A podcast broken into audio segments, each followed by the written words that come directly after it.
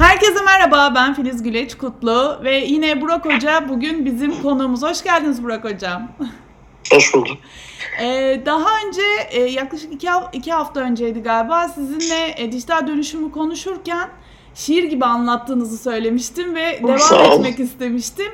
Ee, ve e, sizinle bu konuyu konuşurken liderliği konuşalım dedik. Sizinle yaptığımız podcast'tan sonra Evrim Kur'an'la da e, yaptık. Oraya da liderliğe dokunduk ve sizin daha önceki podcast'inizde işte şeyi söylüyorsunuz yani dijital dönüşümde liderin rolü çok önemli ama bir yönetici değil, lider olması gerekiyor. Takımı kurabilmesi, takımın sorunlarını ortadan kaldırabilmesi, dijital dönüşümün ne olduğunu iyi anlayıp takımları buna göre kurgulaması gerekiyor gibi bir e, özet geçmiş olayım. Merak edenler bir önceki podcast'i dinleyebilirler.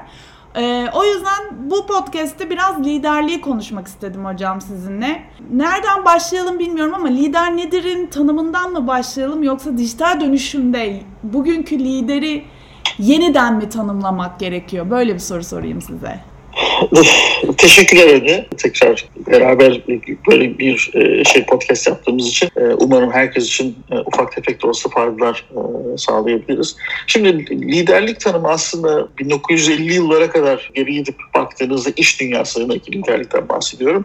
Aslında çok radikal bir değişiklik yok bugüne geldiğimizde. Sadece o gün önem verilen veya öncelik verilen değerlerle bugünkü dünyada yani yeni jenerasyonun beraber çalışmak zorunda olduğumuz yeni jenerasyonun çalışabileceği ortam koşul ve imkanlar birbirinden çok farklı olduğu için geçmişin lider rolüyle bugünün lider rolü arasında da bazı radikal farklar oluşmuş durumda. Ama aslında bu insan doğasını temelde değiştiren bir şey değil. Çünkü insan doğası değişmiyor. Yani dijital dönüşüm dediğiniz konunun ehemmiyeti büyük. O gün hatırlarsanız konuşmuştuk kültürel bir değişim aslında temelde. İş yapma biçimi açısından kültürel bir değişim ama e, liderin rolü açısından da gene kültürel bir değişimden geçiyoruz. Şimdi genelde liderlik e, tiplerini tanımlarken e, işte e, şey farklı lider tiplerinden bahsediyoruz. O farklı lider tiplerinin içerisinde özellikle bizimki gibi doğu kültürlerinde yapılan bazı tanımlamalar var. E, daha ebeveyn rolü üstlenen liderler. Yani daha baba rolü üstlenen liderler ve e, aslında babanın rolü hiçbir zaman sorgulanmadığı veya so, çok az sorgulandığı e, genelde e, şey, tamamen bağlılık üzerine kurulu bir format. Yani siz lidere bağlı tam bağlılık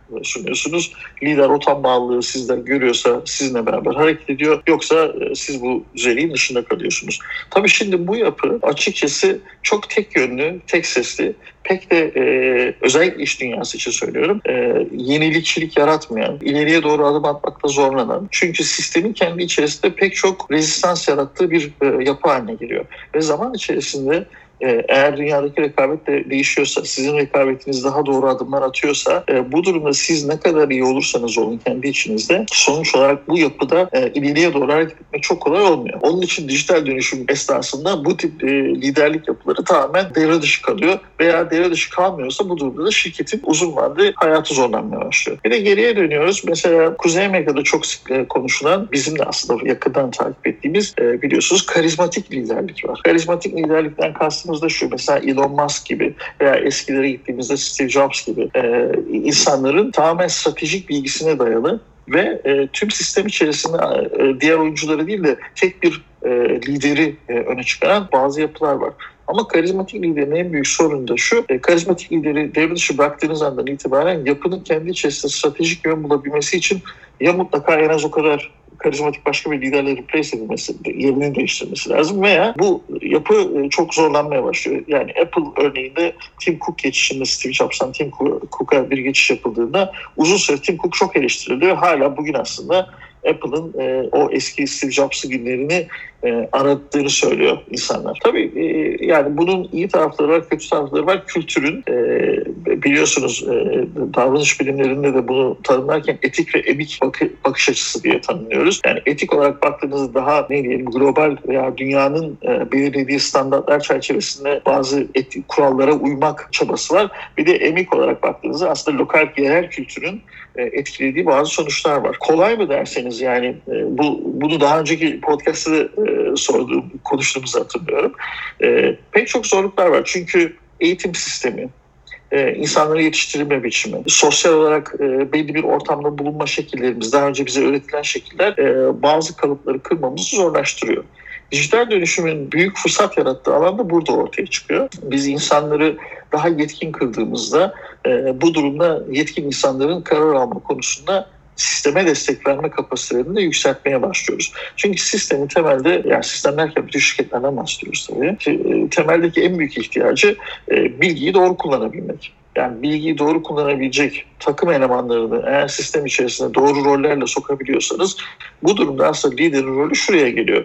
Lider bu bilgi setlerini ve daha doğrusu kendisine ulaşan geri bildirimleri ne kadar doğru yorumlayıp gene tekrar geri bildirim olarak çalışanları ve dolayısıyla takıma sonunda da iş e, sonuçlarına nasıl yansıtabilir? Burada e, bu kaliteyi nasıl ortaya çıkarabiliriz gibi bir ne diyelim tartışma noktası ortaya çıkıyor. Peki o tartışma noktasına geldik. Her, her şey iyi. Biz bunu prensiple dedik ki ya böyle yapmalısınız. İnsanlar yapıyorlar mı? Şimdi liderlerin kendi kişisel ilişkileri ki bu bizim lokal kültürümüzde çok var. Kontrolü kaybetmek, e, pozisyonu kaybetmek, e, imkanları kaybetmek, o şirket içerisindeki e, reputasyonunu e, kaybetmek, kişisel e, etkisini kaybetmek gibi pek çok sorunla karşı karşıya kalıyoruz. E, Harvard Business Review'da siz de e, açarsanız görebilirsiniz. Google'ın yürüttüğü Aristotle diye bir proje var. Aristotle projesinde şöyle söylüyor. Diyor ki social trust yaratabilirsiniz yani sosyal güven e, yaratabilirseniz diyor çalışanların tümünde. Bu durumda güven aynı zamanda karşılıklı birbirine karşı büyük bir e, dependability yani dayan, e, karşı e, tarafa güvenmek ve onun yaptığı işin kalitesine inanmak, e, e, şeffaf olmak şeffaf olmanın yanında da insanların hata yaptığında bu hatadan beraberce ders alabilmesini sağlamak ve böylece kuvvetli bir ekip oluşturmanın bütün aslında şirketlerde büyük ehemmiyet taşıdığını söylüyor. Google'ın kendi içerisinde yürüttüğü projede yaptığı sonuçlar yani survey e, sonuçları da diyor ki evet bu bunu destekliyor.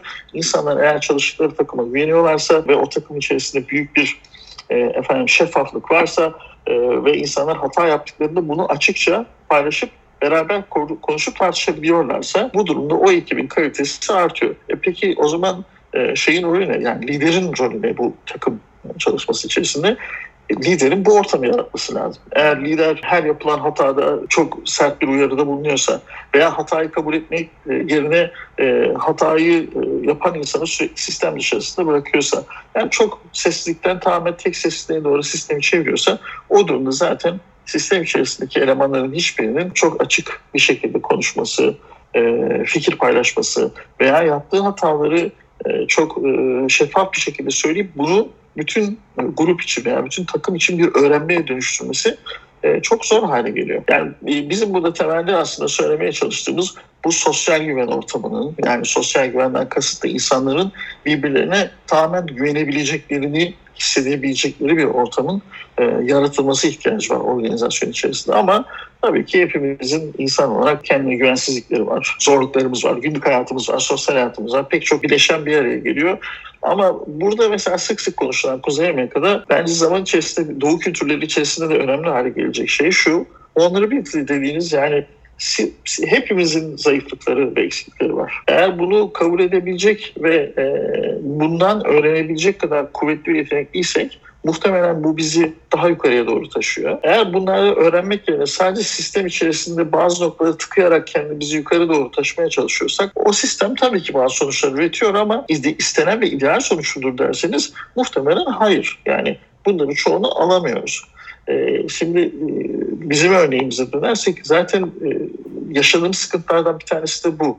Yani biz öğrenmek ve o öğrenmenin üzerine iyileştirmek yerine öğreniyoruz ama bu konuda aksiyon almayıp bu konuda bize bilgi veren adamı sistem dışında bırakıyoruz ki e, bir daha kimse bu konuda konuşmasın diye. Yani e, bu da tabii e, şöyle bir sorun yaratıyor. E, bir organizasyon öğrenmek öğrenme kapasitesine sahip değilse aynı hatayı defalarca yapmak zorunda. E, şirketler için bu çok geçerli. E, şirketlerin e, sonsuza kadar yaşamaları da mümkün değil. Çünkü sonuç olarak bunlar e, birer e, şey değil, e, ne de kar, kar amacı gitmeyen yapılar değil. Bunlar kar amacı gidiyorlar, büyümeleri gerekiyor, hissedarları var, beraber çalıştıkları içinde bulundukları bir topluluk var, çalışanları var, işte onlara mal sağlayanlar, mal alanlar, mal verenler var. Bütün bu ekosistem bu hatalardan e, dramatik bir şekilde etkileniyor. Yani bugün şunu söyleyeyim kısaca. Mesela Amazon e, bir dev haline gelmiş durumda. Kuzey Amerika için özellikle çok etkili bir e, yapı. Yani Amazon'da bugün hatalı bir kararı sadece Jeff Bezos tek başına alıp tek başına aldığı için onun e, kimse etkilemediğini söyleyemez. Söylemiyordur da. çünkü sonuç olarak ne kadar karizmatik lider olurlarsa olsunlar bu insanlar etraflarında yarattıkları bu büyük etkinin çok net olarak farkındalar. Onun için Amazon'un işte ortaya çıkardığı yeni çevre fonu, yani çevre ve e, sürdürülebilirlik fonu. Yine Microsoft'un aynı konuda yaptığı yatırım. Yani Satya Nadella liderliğinde Microsoft'un e, geçirdiği değişime baktığınızda hep oradaki liderliğine çok kapsayıcı. Yani Satya Nadella geçişinin özellikle çok kapsayıcı liderlik, e, fikir çeşitliliği, ses çeşitliliği ve dolayısıyla inovasyon ve daha doğrusu yenilikçilik ve şirketin daha hızlı hareket etmesi. Onun için hep e, şunu e, söylüyoruz. Kullanılan ekiplerin içerisinde etnik çeşitlilik dışında geçmişlerindeki çeşitlilik de çok önemli. Aksi halde tek sesli ekipler kurmaya başlıyorsunuz. Herkes bana benziyor. Herkes benim gibi düşünüyor. Herkes ben ne diyorsam ona onay veriyor. E, bu durumda peki kim bütün bu sistem içerisindeki hata, eksik, yanlış veya farklı açıları ifade edebilir? Orada da tabii büyük bir e, sorun ortaya çıkıyor maalesef. Burada aslında liderin bir ajandasının olması gerekiyor yine de. E, lead etmek için yani yönetmek değil ama ajandayı diğer çalışan takımına ve ekibine benimsetebilmesi için bir ajandası olması gerekiyor. Ama bu ajandayı gerçekten benimsetebilmesi için farklı bir şey yapması lazım. Bence birincisi dijital dönüşümün ne olduğunu anlaması lazım. İkincisi gerçekten çeşitlilik ve kapsayıcılık dediğiniz ya kişilerin kendisine ait ve özgür hissediyor olmasına e, inandırması lazım. Özellikle Doğu kültüründe bu çok zor. Sizin de söylediğiniz gibi hani e, sizin yaşadığınız yerde çok daha kolay olabilir bazı şeyleri kabul etmek ama Türkiye'de şu an hatırlamıyorum hangi istatistik olduğunu ama yöneticisinin neyi beğeneceğini hissettiği ya da bildiği için onun seçimlerine yönelik seçim yapan çalışanlar var. Ya özgürce ben bunu tercih ediyorum diyemiyorlar. E, bu, bununla ilgili nereden başlamak gerekiyor sizce?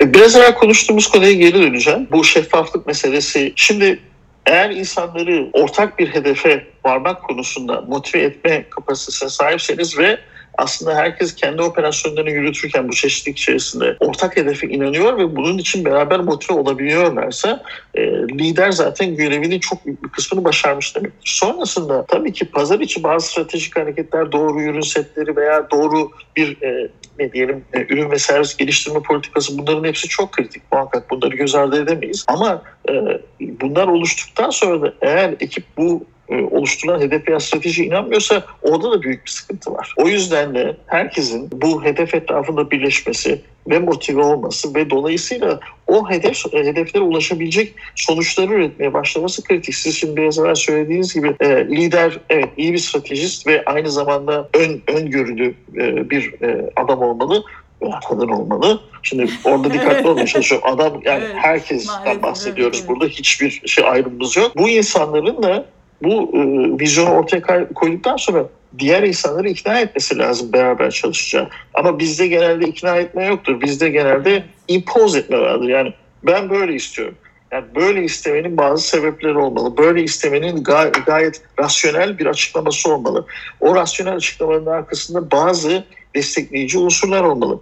Eğer bunları ikinizle paylaşmıyorsanız bunu e, yapabilmeniz çok zor. Ha, dijitalin getirdiği en büyük kolaylık ne biliyor musunuz? Bütün bu rasyoneli paylaşabilmek için pek çok yeni imkanın ortaya çıkması ve verinin gerçek zamanlı olarak elinize ulaşması. Yani anlık olarak bir veri açıp bak buradaki hatayı görüyor musun diyebilme imkanına sahip olmanız. Ama siz bu tool'ları, yani bu araçları kullanmayı bilmiyorsanız ancak işte ha böyle istiyor. Evet, tamam böyle istiyorsun da ben yani sana böyle istediğin hiçbir şey yapmak durumunda değilim.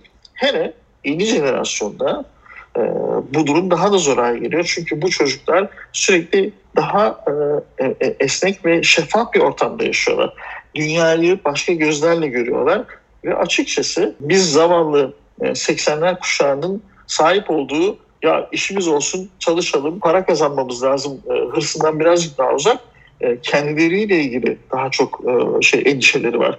E, o endişeleri adreslemediğiniz zaman yani bir anlam vermediğiniz zaman yani işi, işinin aynı zamanda bir anlam ürettiğini söylemiyorsanız, işinin aynı zamanda rolü açısından ona statü kazandırmak demeyelim ama anlam kazandırmaya yardımcı olmadığını düşünüyorsa bu insanları motive etmek gerçekten çok zor.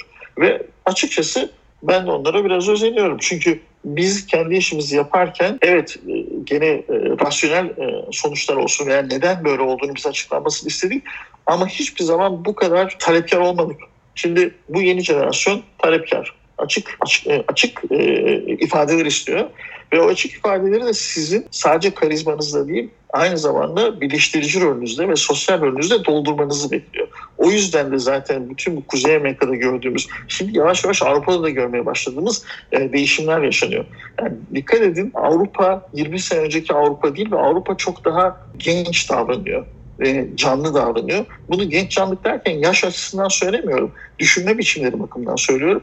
E, ve çünkü onlar da görüyorlar ki bu sert rekabetin içinde yani Çin'in olduğu, Kuzey Amerika'nın olduğu bir ortamda Avrupa'nın yakalabilmesinin tek yolu onlardan daha yaratıcı, daha önde, daha inovatif olmaktan geçiyor.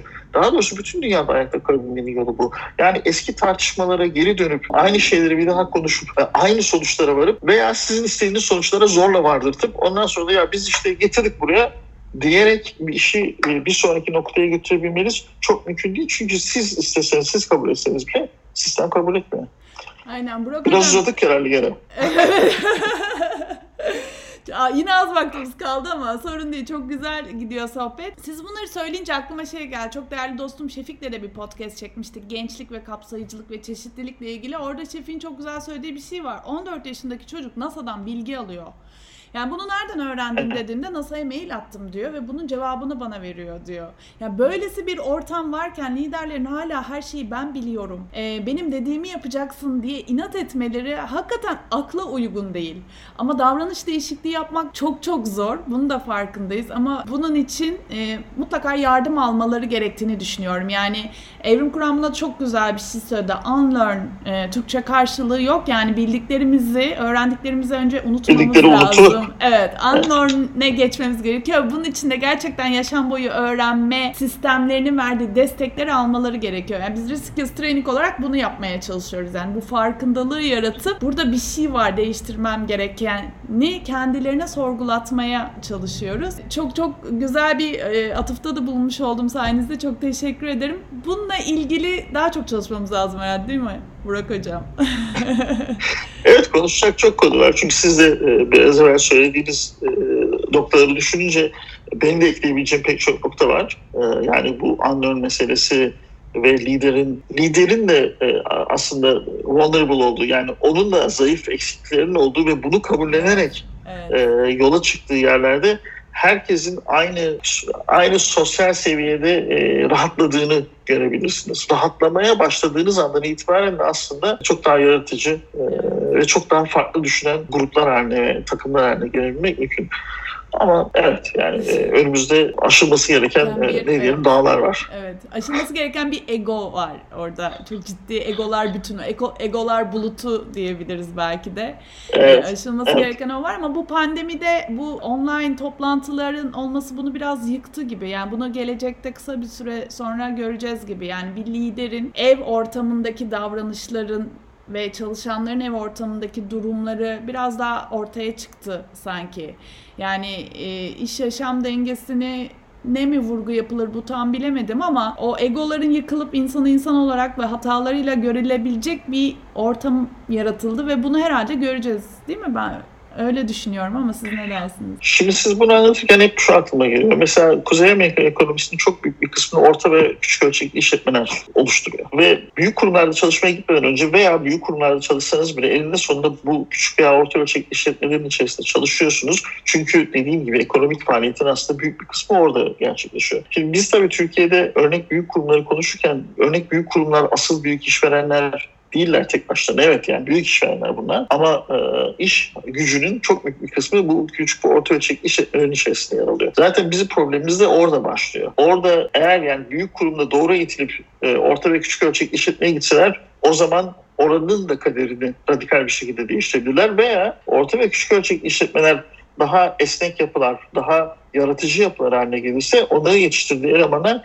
büyük kurumlar için daha e, istenilen ve kaliteli eleman e, profilleri haline gelebilir. Ama o paradoks içerisinde her iki tarafta rolü üstlenmediği için ya küçük ölçekli işletmedeki insanlar sonsuza kadar orada kalıyorlar ve bildikleri gibi yaşıyorlar. Büyük kurumlardakiler de küçükleri hiç gitmiyorlar. Zaten orada ne olduğunu farkında bile değiller. Ve bu yüzden de sizin bahsettiğiniz, evet şu anda hani Zoom toplantısını Türkiye'de yapabilen e, ve her çalışanına bilgisayar verebilen kurum sayısı diyelim 500 tane ise veya 1500 tane ise e, 1500'e sınırlı değil ki dünyamız. 1500 o bütün kalabalığın içerisindeki diyelim ki üstteki %3-4-5 en fazla e, bir grubu oluşturuyor. Geri kalanın hayatını ne yapacağız? O benim e, kafamı sürekli kurcalayan konulardan bir tanesi. Çünkü o %95'i, %90'ı, 98'i, 92'yi her neyse o rakam bilmiyorum şu anda tamamen bazı şey bilgi verilerine dayanarak söylüyorum ama orayı değiştirmediğiniz sürece de toplam değişimi sağlamanız çok kolay olmuyor. Hani %90'ı değiştirmeyelim ama bir %50'sine dokunabileydik. Gerçekten ileriye doğru bir adım atabilme imkanımız çok daha fazla olabilirdi. O yüzden de mesela bu disconnect yani bağlantısızlık yukarı ile aşağı arasında kurumlarla işte orta ölçekli işletmeler arasındaki beraber çalışamama kültürü çünkü beraber de çalışmıyorlar işin kötüsü. Bir ekosistem oluşturmak. Yani bu Japonya'da falan e, Japonya'da e, işte efendim Çin'deki e, bazı beraber iş yapma kültürlerinin bizde çok ilişkin olmaması oradaki disconnect de bu bilgi akışını tamamen durduruyor. Yani bizim kendi içerimizde bu bilginin yukarıdan aşağı aşağıdan yukarıya farklı yapılardan birbirlerine doğru e, akabildiği bir durum çok fazla yok. Mesela biz çok fazla Türk büyük şirketi, büyük Türk şirketlerini küçük Türk şirketlerini acquire ederken almıyorlar, satın almıyorlar. Yani oradaki teknoloji şirketlerine yatırım yapmıyorlar. Aynı teknoloji kendi içlerinde geliştirmeye çalışıyorlar. Halbuki böyle bir ihtiyaç yok ki bu şirketleri eğer siz daha inovatif olmaya iterseniz elinde sonunda sizin alabileceğiniz potansiyel onlarca şirket ortaya çıkabilir. Yani hani biz güzel güzel anlatıyoruz ya işte Microsoft şu şirketleri aldı, Amazon bunu aldı, onu. Evet aldı çünkü o küçük şirketler görüyorlar alınabileceklerini ve kendilerini Amazon'dan veya diğer bu şirketlerden daha iyi yapabilmek için veya en azından daha e, yaratıcı olabilmek için büyük bir çaba sarf ediyorlar. E bizde böyle bir şey yok. Yani varsa da çok az örneği var. Eğer oraya getiremiyorsanız işi hiçbir yere gitmiyor. Yani şimdi tabii biraz evvel yine söyledim. Bunu açarsanız altından başka, tamam, başka e, tartışmalar Aynen aynen. Evet. Bir sonraki podcastimizde görüşmek üzere demeden önce son sözünüz varsa alayım hocam. ya son sözüm de- değişmek iyi bir şeydir. Yani değişebilme yetisine sahip olabilmek hem bir lider için hem bir insan için e, onun ileriye doğru e, bir mesafe kaydettiğini gösterir. O yüzden değişimden korkmamak, kaçınmamak ve bunu gerçekleştirmek için e, bir irade göstermekte büyük fayda var. Ağzına sağlık hocam. Bir sonraki podcast'te görüşmek üzere. Kendinize iyi bakın. Hoşçakalın. Görüşmek üzere. Sağ olun. Siz de. Sağ olun. Hoşçakalın.